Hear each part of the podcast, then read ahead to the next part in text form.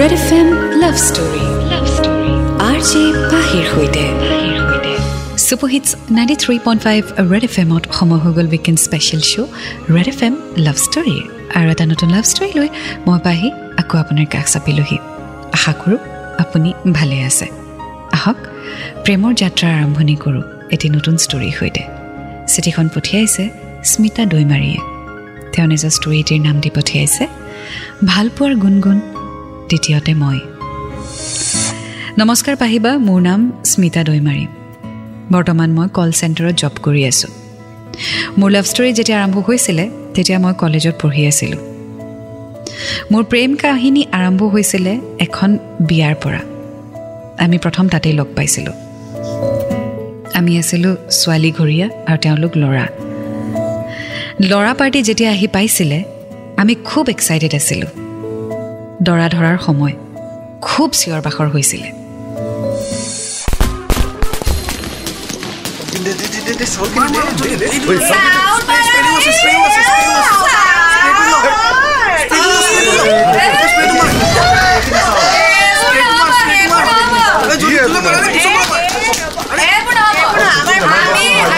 প্ৰশ্ন সুধিম উত্তৰ দিব লাগিব বহলে পইচা দিব লাগিব আমি পৰীক্ষা দিবলৈ অহা নাই নহয় বিয়া পাতিব আহিছো নহলে আমি কইনা নিদিওঁ অনলাইন দিম অনলাইন গুগল পে লাগিব নম্বৰ লাগিব আমাক নম্বৰ বা নম্বৰ লাগি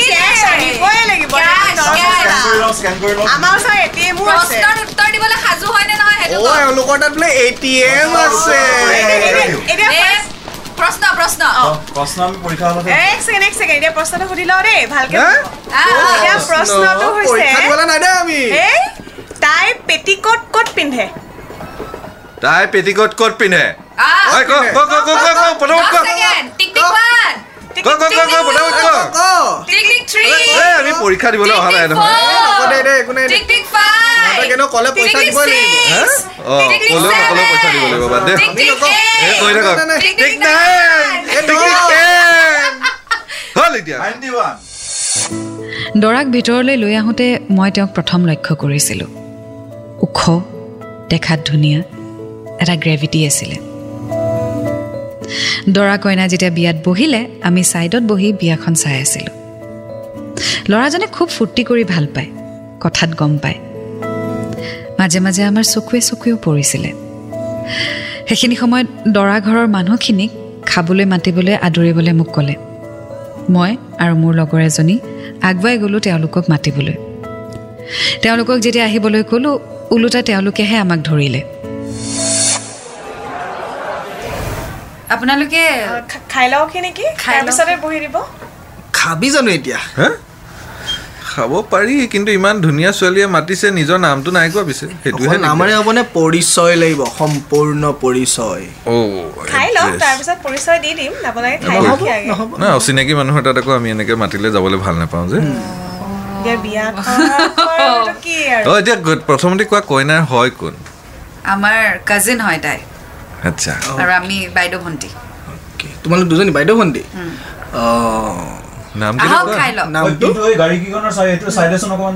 নামটো কোৱাই নাই আমি ন। অঁ। নামটো কোৱা আকৌ নাম কেইটা কোৱা। নাম নকলে কি নাখায় নেকি? না না আমি অচিনাকি মানুহ এনেকে মাতিলে নাম নাজানো একো নাজানো কেনে। আমাৰ বিয়াৰ খৰচটো কমিব অকণমান দুখনমান আমি এইখিনি পেকিং কৰি লৈ যাম। ভগৱান। দৰা ঘৰৰ মানুহ এনেকে কৈছে চোৱা। অ, আচ্ছা আচ্ছা মোৰ নাম স্মিতা। আৰু মোৰ নাম পিংকি এতিয়া বলক বলক। বিলাব কোনে? তোমালোকে দিলেহে খাম। আমি আমাৰ নাম ক'লোঁ আৰু তেওঁলোকক খাবলৈ লৈ আহিলোঁ। চ' আজি আমি শুনি গৈ থাকিম স্মিতাৰ লাভ ষ্টৰী ভাল পোৱাৰ গুণগুণ দ্বিতীয়তে মই। Ninety three point five red F M বাজাতে ৰহো red F M love story love story R J পাহিৰ সৈতে super hits ninety three point five red F এমত মঞ্চ আপোনাৰ সৈতে পাহি আপুনি শুনি আছে weekend special show' red F M love story শুনি আছোঁ ভাল পোৱাৰ গুণগুণ দ্বিতীয়তে মই স্মিতা দৈমাৰীৰ লাভ ষ্টৰী আগলৈ তেওঁ লিখিছে খোৱা হোৱাৰ পিছত তেওঁলোক আহি আমাৰ ওচৰৰ চেয়াৰখনতে বহিলে লাহেকৈ তেওঁলোক আমাৰ সৈতে চিনাকি হ'ল। খালে ন? অ। খানা ঠিকে আছিলে চাগে? একদম বঢ়িয়া। ঠিকে আছে। আচ্ছা তোমাৰ নামটো কি কৈছিলা? মোৰ স্মিতা। ন? কইনাৰ কাজিন? মোৰ কাজিন। আচ্ছা। আপোনাৰ দৰাৰ কি হয়? অঁ আমি ফ্ৰেণ্ড একেলগে পঢ়া সৰু। অ' আচ্ছা আচ্ছা আচ্ছা আচ্ছা। আপুনি কিবা কৰে? অঁ মই ছাৰ্ভিচ এটা কৰি আছোঁ আৰু কিবা। আচ্ছা। আচ্ছা আহ, আহ, বেয়া নোপোৱা যদি কথা এষাৰ কওঁ। কওক। তোমাৰ ফোন নম্বৰটো বাৰু মোক নালাগে কিন্তু মোৰটো প্লিজ ছেভ কৰি লোৱা। কেতিয়াবা মন গ'লে কল কৰিবা। অঁ হ'ব চিয়'ৰ এইটো লগ ছেভ কৰি দিয়ক। বিয়া শেষ হোৱাৰ পাছত আমি কইনা থ'বলৈ গ'লোঁ। তাত গৈ যিটো অৱস্থা হ'ল ভাবিলে হাঁহিও উঠে লাজো লাগে। আমাক জোকাই জোকাই মাৰিছিল সিহঁতে।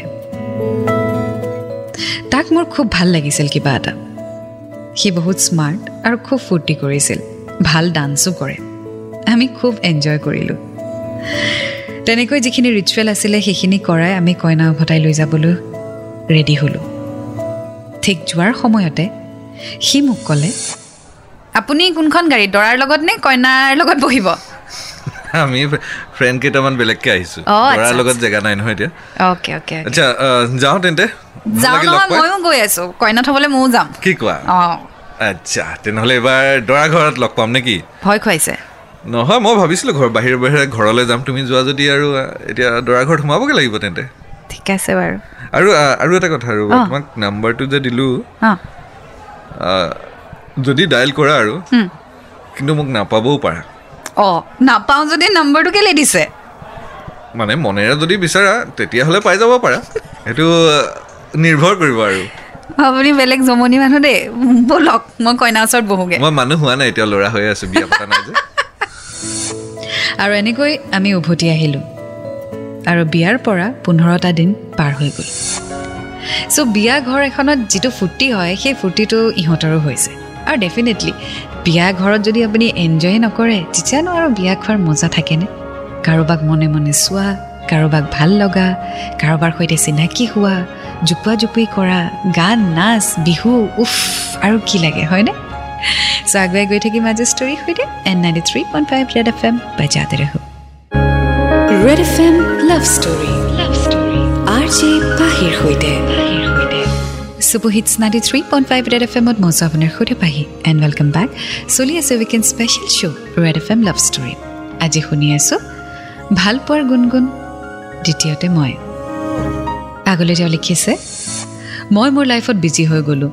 ক্লাছ ঘৰৰ কাম ডেইলি লাইফত বিজি হৈ পৰিলোঁ। কেইদিনমান পাছত মোলৈ এটা কুৰিয়াৰ আহিলে। কুৰিয়াৰটো খুলি চোৱাত দেখিলোঁ তাত মোৰ ফটো আছিলে। যিখন বিয়া খাবলৈ গৈছিলোঁ সেই বিয়াখনৰে মোৰ কিছু কেণ্ডিড পিকচাৰ মই আচৰিত হ'লোঁ কোনে পঠিয়ালে। কাৰণ কুৰিয়াৰত পঠোৱাজনৰ নাম নাছিলে। ফটোকেইখনৰ লগত এখন চিঠি আছিলে। তাত লিখা আছিলে আশা কৰোঁ ছাৰপ্ৰাইজটো তুমি খুবেই ভাল পাইছা। আৰু এনেধৰণেই মাজে মাজে যাতে তোমাক অনাগত বহু বছৰলৈ ছাৰপ্ৰাইজ দি থাকিব পাৰোঁ তাকেই ভাবিয়েই তোমালৈ এই ফটোকেইখন পঠাইছোঁ। কেনে লাগিলে জনাব? এতিয়া নালাগে। মই কৈ দিম কোন হয় কি হয় কেনেকৈ জনাব লাগিব। কিন্তু এইখিনি মুহূৰ্তত তুমি হয়তো ভাবিছা যে কোন হয় ক'ৰ পৰা ফটোবিলাক আহিছে। তেনেহ'লে অকণমান তোমাক সময় দিছোঁ আৰু অকণমান ভাবা। মোৰ তেতিয়া মনত পৰিলে ঋতুপৰ্ণলৈ। মই ফোন কৰাই নাই তাক। লগালগ মই ফোন কৰিলোঁ। But the number you have called is not reachable দুবাৰমান ট্ৰাই কৰিলোঁ বাট নাপালোঁ। চ' বিয়াত যাক লগ পাইছিলে ঋতুপৰ্ণই তেওঁ আকৌ কেণ্ডিড পিকচাৰ্ছ কিছুমান পঠিয়ালে স্মিতালৈ।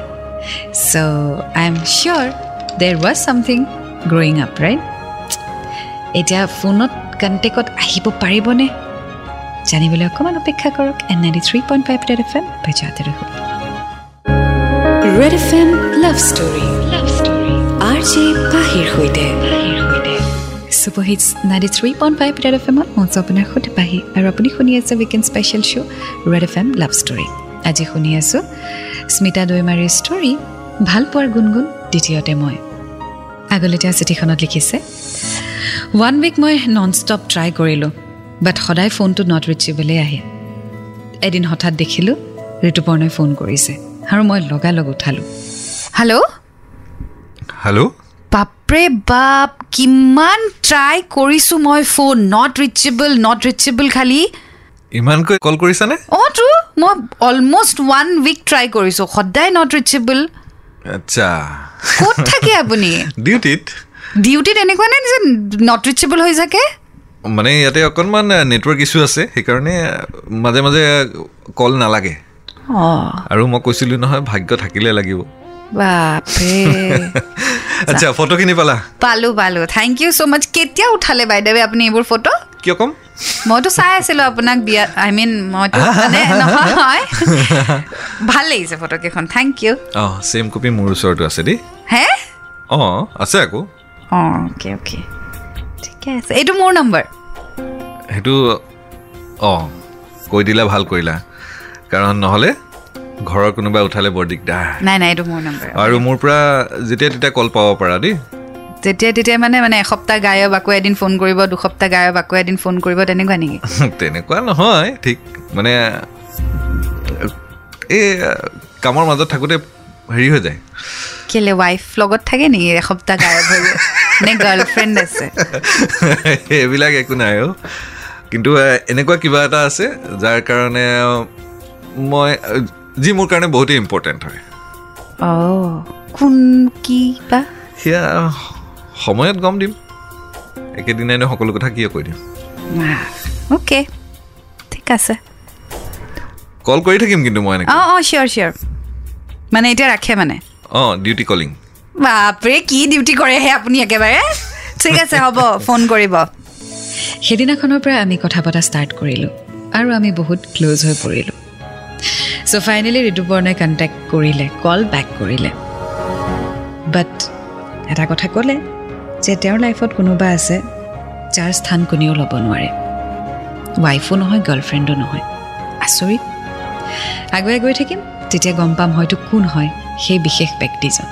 Ninety three point five red F M বাচ্চাতে red F M love story love story R J পাহিৰ সৈতে। Super hits ninety three point five red F এমত মই আছোঁ আপোনাৰ সৈতে পাহিৰ আপুনি শুনি আছোঁ weekend special show' red F M love story আজি শুনি আছোঁ স্মিতাৰ ষ্টৰী ভাল পোৱাৰ গুণগুণ দ্বিতীয়তে মই। আগলৈ তেওঁ লিখিছে এদিন আমি ফোনত কথা পাতি থাকোঁতেই মই তেওঁক সুধিলোঁ এইবোৰ কথা বাদ দিয়ক মই মেইন কথাটোলৈ আহোঁ সুধিম সুধিমকৈ ভাবি আছিলোঁ। আজি একজেক্টলি চাৰে চাৰি দিনৰ মূৰত আপুনি মোক ফোন কৰিছে। থৈছোঁ। মোক এতিয়া লাগে কথাটো যে কথাটো কি? আৰু লাষ্ট আপুনি ফোনত মোক এবাৰ কৈছিলে যে আপোনাৰ লাইফত এনেকুৱা কিবা ইম্পৰ্টেণ্ট মানুহ আছে যাৰ জাগা বিৰাট স্পেচিয়েল মোক এতিয়া কওক কোন ছোৱালী কাৰ লগত থাকে? আপুনি এই যে চাৰিদিন পাঁচদিন গায়ব হৈ যায় কথা কি? ইমান সন্দেহ কৰিবলগীয়া কি হ'ল? সন্দেহ কৰিম আপুনি নিজৰ সুবিধামতে মোক ফোন কৰে চাৰি পাঁচদিন গায়ব। গাৰ্লফ্ৰেণ্ড নহওঁতে এই অৱস্থা। গাৰ্লফ্ৰেণ্ড হ'লে কিমান অ' চৰি মোক কওক কোন হয়? কোন হয় তাই? কোন হয়? সেয়া ক'বলৈ গ'লে বহুত মানে কি ক'ম এতিয়া? কেনেকৈ আৰম্ভ কৰোঁ? শ্বৰ্টকে কওক কোন হয় তাই? মোৰ আই। মানে? দেশ মাতৃ আমাৰ সকলোৰে তোমাৰ মোৰ আমাৰ সকলোৰে। আপুনি ক'ত কাম কৰে? ছাৰ্ভিচ বুলিহে কৈছিলে? অঁ ছাৰ্ভিচে কৰোঁ। ক'ত কৰে আপুনি? পষ্টিং মোৰ পাঞ্জাৱ বৰ্ডাৰত আৰু এতিয়া তুমি নিজে গেছ কৰি লোৱা। আপুনি ডিফেন্সত কৰে? য়েছ তো ইমান দিনে আপুনি কেলৈ কোৱা নাই? অ' সেইকাৰণে আপুনি ইমান হানচাম আই মিন সেইকাৰণে আপুনি ইমান ওখ দেখি অ' মাই অ' কথাটো সেই এতিয়া হ'ল গম পালা। আৰু তাতোতকৈ কিবা ইম্পৰ্টেণ্ট হ'ব বুলি মই নাভাবোঁ। নহয়নে? সেইটোতো হয়েই বাৰু। আৰু সেইকাৰণে এই চিডিউলবিলাক খেলি মেলি হৈ থাকে। আৰু কৈছোঁৱে তাতে নেটৱৰ্ক ইছ্যু বহুতেই বেছি। এতিয়া বুজি পাইছোঁ। আপোনাৰ ইউনিফৰ্মত কেতিয়াবা দেখা পামনে? ফটো পঠাই দিম দিয়া। অঁ অ'কে। মই আকৌ ভাবিছিলোঁ আপোনাৰ আপুনি মেৰিড বুলি ভাবিছিলোঁ। কথা। অঁ কিন্তু এটা কথা আকৌ। নাইট ডিউটি থাকিলে ৰাতি ডেৰ দুই বজাতো কল পাই যাব পাৰে এনেকৈ। কথা নাইতো? নাই। আৰু তেনেকৈ আমাৰ মাজত এটা সম্পৰ্ক গঢ়ি উঠিলে। মই আমাৰ ঘৰতো ক'লোঁ তেওঁৰ কথা। তেওঁ ছুটীত আহিলে ঘৰ আহিম বুলি কৈছিলে। সময় পাৰ হ'ব ধৰিলে। মোৰ কলেজ শেষ হ'ল আৰু মই কল চেণ্টাৰ এটাত সোমালোঁ। চ' এতিয়া আমি গম পালোঁ যে ঋতুপৰ্ণই কি কথা কৈছে। ৱেল তেওঁ ডিফেন্সত চ' ডেফিনেটলি তেওঁৰ বাবে আটাইতকৈ ইম্পৰ্টেণ্ট হ'ব the country the state how sweet so' আগুৱাই গৈ থাকিম আজি ষ্টৰীৰ সৈতে। N ninety three point five red F M বাজাতে ৰহো। Red F M love story love story R J পাহিৰ সৈতে। Super hits ninety three point five red F এমত মই আছোঁ আপোনাৰ সৈতে পাহি আৰু আপুনি শুনি আছে weekend special show' red F M love story আজি শুনি আছোঁ আমি স্মিতাৰ ষ্টৰী ভাল পোৱাৰ গুণগুণ দ্বিতীয়তে মই। আগলৈ তেওঁ লিখিছে আমি ফোনতে প্ৰায়ভাগ কথা পাতোঁ। কেতিয়াবা ওৱান উইকমান তেওঁৰ ফোনো নাহে। খুব দিগদাৰী হয় নিজকে বুজাবলৈ। আৰু সেই এসপ্তাহৰ মূৰত যেতিয়া তেওঁৰ ফোন আহে মোৰ সদায় চকুৰ পানী ওলাই যায়। কিমাননো কান্দি নাথাকা আৰু। মই তোমাৰ এই কান্দোন শুনিবলৈ কলটো নকৰোঁ নহয় ইমান দিনৰ মূৰত। এই এনেকৈ কান্দি থাকিলে মোৰ কিন্তু বেয়া লাগিব। পোন্ধৰ দিন কথা পতা পোন্ধৰ দিন মই জানো কেনেকৈ তুমিতো পোন্ধৰ দিনহে? পোন্ধৰ দিন হে তোমাৰ কাৰণে। তুমিতো কামত ব্যস্ত থাকা। মইতো ইয়াত একো নকৰোঁ ন। অফিচ কৰোঁ ঘৰ আহোঁ। ঘৰ আহি এটা মানুহ নাই কথা পাতিবলৈ। মেছেজবোৰ চাই চাই ৰৈ থাকোঁ। কেতিয়া নেক্সট ফোন আহিব? কিজানিবা আহিছে। ফোনটো বাজি উঠিলে এনেকুৱা লাগে। কিজানিবা তোমাৰে ফোন। এতিয়া এনেকুৱা হ'লে কেনেকৈ হ'ব আকৌ? বিয়াৰ পিছততো মাহৰ পিছত মাহো হ'ব পাৰে সেয়া। কি ক'ব বিচাৰিছা? মানে তোমাক প্ৰিপেয়াৰ কৰিছোঁ মই যে মোৰ লগত যদিহে জীৱনটো কটাব বিচাৰা তেনেহ'লে এয়া তুমি ফেচ কৰিব লাগিব আৰু এয়াই সত্য। মানে মোক লগত লৈ নোযোৱা? সেই বৰ্ডাৰত মই তোমাক লগত লৈ আহিম। আমাৰ ছাৰ্ভিচত সেয়া নাই নহয়। আৰু যদিহে ধৰা চিটিৰ মাজত কেতিয়াবা পষ্টিং পৰে তেতিয়া বেলেগ কথা। কিন্তু প্ৰায়ভাগ সময়টো বৰ্ডাৰতে। হ'ব এতিয়া কান্দোন ন- অকণমান কমোৱা প্লিজ বাৰ্থডে গিফ্ট কি দিবা হাঁহি সুধীয়া এনেকৈ নহ'ব বাৰ্থডে এই গিফ্ট কি হাঁহিলে দিবা হাঁহিলে হাঁহিলে হাঁহিলে হাঁহিলে কোনোবাই হাঁহিলে দেই ঐ হাঁহিলে হাঁহিলে হাঁহিলে হাঁহিলে এনেকৈ আমাৰ ৰিলেশ্যনশ্বিপ আগুৱাই গৈ থাকিলে চ' আজি স্মিতা আৰু ঋতুপৰ্ণৰ মাজত যিটো আণ্ডাৰষ্টেণ্ডিং সেইটো খুব বেছি ইম্পৰ্টেণ্ট আৰু ডেফিনেটলি যেতিয়া আপোনালোকৰ নতুন নতুন ৰিলেশ্যনশ্বিপ ষ্টাৰ্ট হয় তেতিয়া অবভিয়াছলি চবেই টাইম স্পেণ্ড কৰিবলৈ বিচাৰে। আৰু সেইটো সময়ত নিজৰ মনটোক বুজাবলৈ বহুত দিগদাৰী হৈ পৰে। এসপ্তাহ এটা আপুনি নিজৰ পাৰ্টনাৰৰ সৈতে যদি কথা পাতিবলৈ নাপায় কিমান দুখ লাগিব হয়নে? কিন্তু সেই মুহূৰ্তত আকৌ চিটুৱেশ্যনটো বুজিবলৈ কাৰণে যিখিনি মেচিয়ৰিটি লাগে সেইখিনি আকৌ স্মিতাৰ মাজত আছে। So' perhaps that is the reason that they are going smoothly so' আমিও আগুৱাই গৈ থাকিম আজি ষ্টৰীৰ সৈতে। N ninety three point five red F M বাচ্চাতে ৰহো। Red F M love story love story R J পাহিৰ সৈতে। Hits ninety three point five red F এমত মই আছোঁ আপোনাৰ সৈতে পাহি। আপুনি শুনি আছে weekend special show' red F M love story আজি শুনি আছোঁ স্মিতাৰ ষ্টৰী ভাল পোৱাৰ গুণগুণ দ্বিতীয়তে মই। আগলৈ তেওঁ লিখিছে এবছৰ পিছত তেওঁ মোৰ ঘৰলৈ ফাইনেলি আহিলে। মোৰ মা পাপাক লগ কৰিলে। মোৰ মা পাপাই তেওঁক খুব ভাল পালে। আমাৰ ঘৰৰ মানুহ তেওঁলোকৰ ঘৰলৈ গ'ল। আৰু আমাৰ সম্পৰ্কটো এখোজ আগুৱাই গ'ল। দুই ঘৰে মিলি আমাৰ এংগেজমেণ্ট কৰি দিলে। সেইদিনা মোৰ খুব বেছি ভাল লাগিছিল। কিন্তু মনটোও বেয়া লাগি আছিলে। কাৰণ এংগেজমেণ্টৰ দুদিন পিছতেই তেওঁ যাব লাগিব। সেইদিনা আমি ডিনাৰ গ'লোঁ। আকৌ তেওঁ মোক বুজালে। ফোনতো কান্দাই এতিয়া ইমানবিলাক মানুহ ওচৰে পাজৰে আছে কি বুলি ভাবিব বাৰু? আৰে বাবা ইয়াত কিয় কান্দিছা? প্লিজ তুমিতো এমাহৰ ছুটীত আহিছিলা। এতিয়া। পৰহি গৈ আছা যে। মইতো ইমান মানে তোমাক লগ কৰাৰ পৰা কৈয়ে আছোঁ যে ডিউটি ফাৰ্ষ্ট মই ইম্পৰ্টেণ্ট হয়নে নহয়? নিশ্চয় হয়। কিন্তু আমি মানে চাকৰি জইন কৰাৰ পিছত তাৰপিছত ট্ৰেইনিঙৰ পিছত এই সকলোবিলাক সময়তে আমি প্ৰতিজ্ঞাবদ্ধ হওঁৱেই। সেইকাৰণে উপায় নাই কিছুমান কথা কামত। মোৰ প্ৰমিছেছ সেইবিলাক নিশ্চয়কৈ। এটাৰ পিছত এটাকৈ ৰাখি গৈ থাকিম নহয়। নেক্সট কেতিয়া আহিবা? প্ৰমিছ কৰি থৈ যোৱা। অতি সোনকালে আহিম। অতি সোনকালে নহয় মোক ডেট টাইম লাগিব। সেইটোহে মই ক'ব নোৱাৰিম আৰু তোমাৰ মই বছৰ তোমাক নাম্বাৰটো মোক দিয়াচোন মই কথা পাতো। বছৰ লগত কথা পাতি লাভ নাই নহয় আৰু শুনা তোমালোকৰ বছ আৰু আমাৰ বছৰ মাজত বহুত পাৰ্থক্য। তেওঁলোকক সেইবিলাক কোৱা মানে আৰু জতৰ পটৰ সেইবিলাক কোনো দৰকাৰ নাই। আৰু তোমাক মই আগতেও কৈছোঁ আজিও আকৌ এবাৰ কৈছোঁ চোৱা। জীৱনটো যেতিয়া একেলগে আগবঢ়াই লৈ যাব বিচাৰিছোঁ এনেকুৱা ধৰণে কান্দি কান্দি মোক ডিষ্টাৰ্ব কৰি নিদিবা প্লিজ আৰু তুমিও এনেধৰণে থকাটো মই নিবিচাৰোঁ?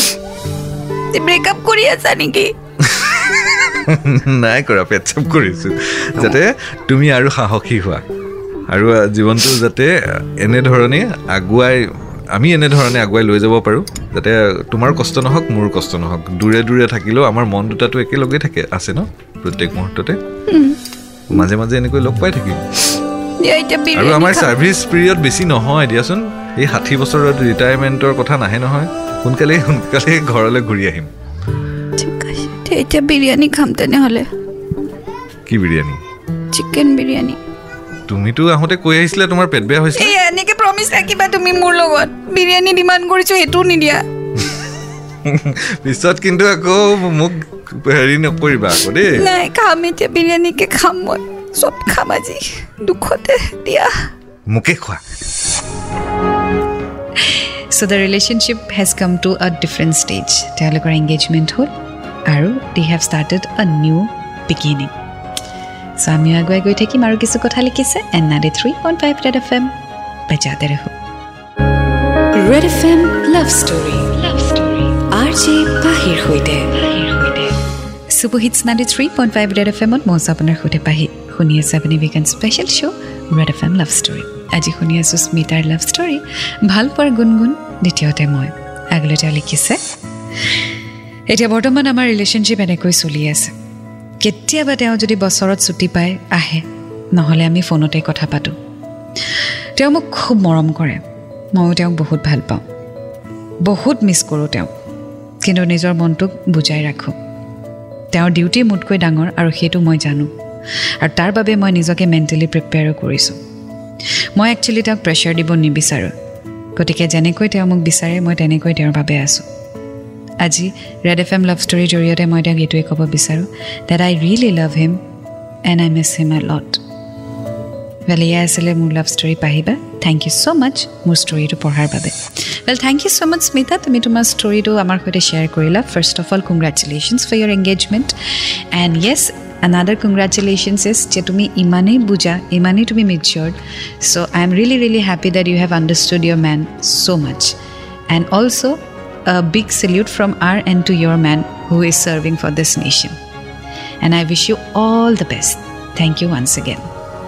ভাল পোৱাৰ গুণগুণ দ্বিতীয়তে মই এটা নতুন ষ্টৰীৰ সৈতে আকৌ লগ পাম until then to fall in love it's a great feeling you will get to learn a lot and always remember I love you ninety three point five red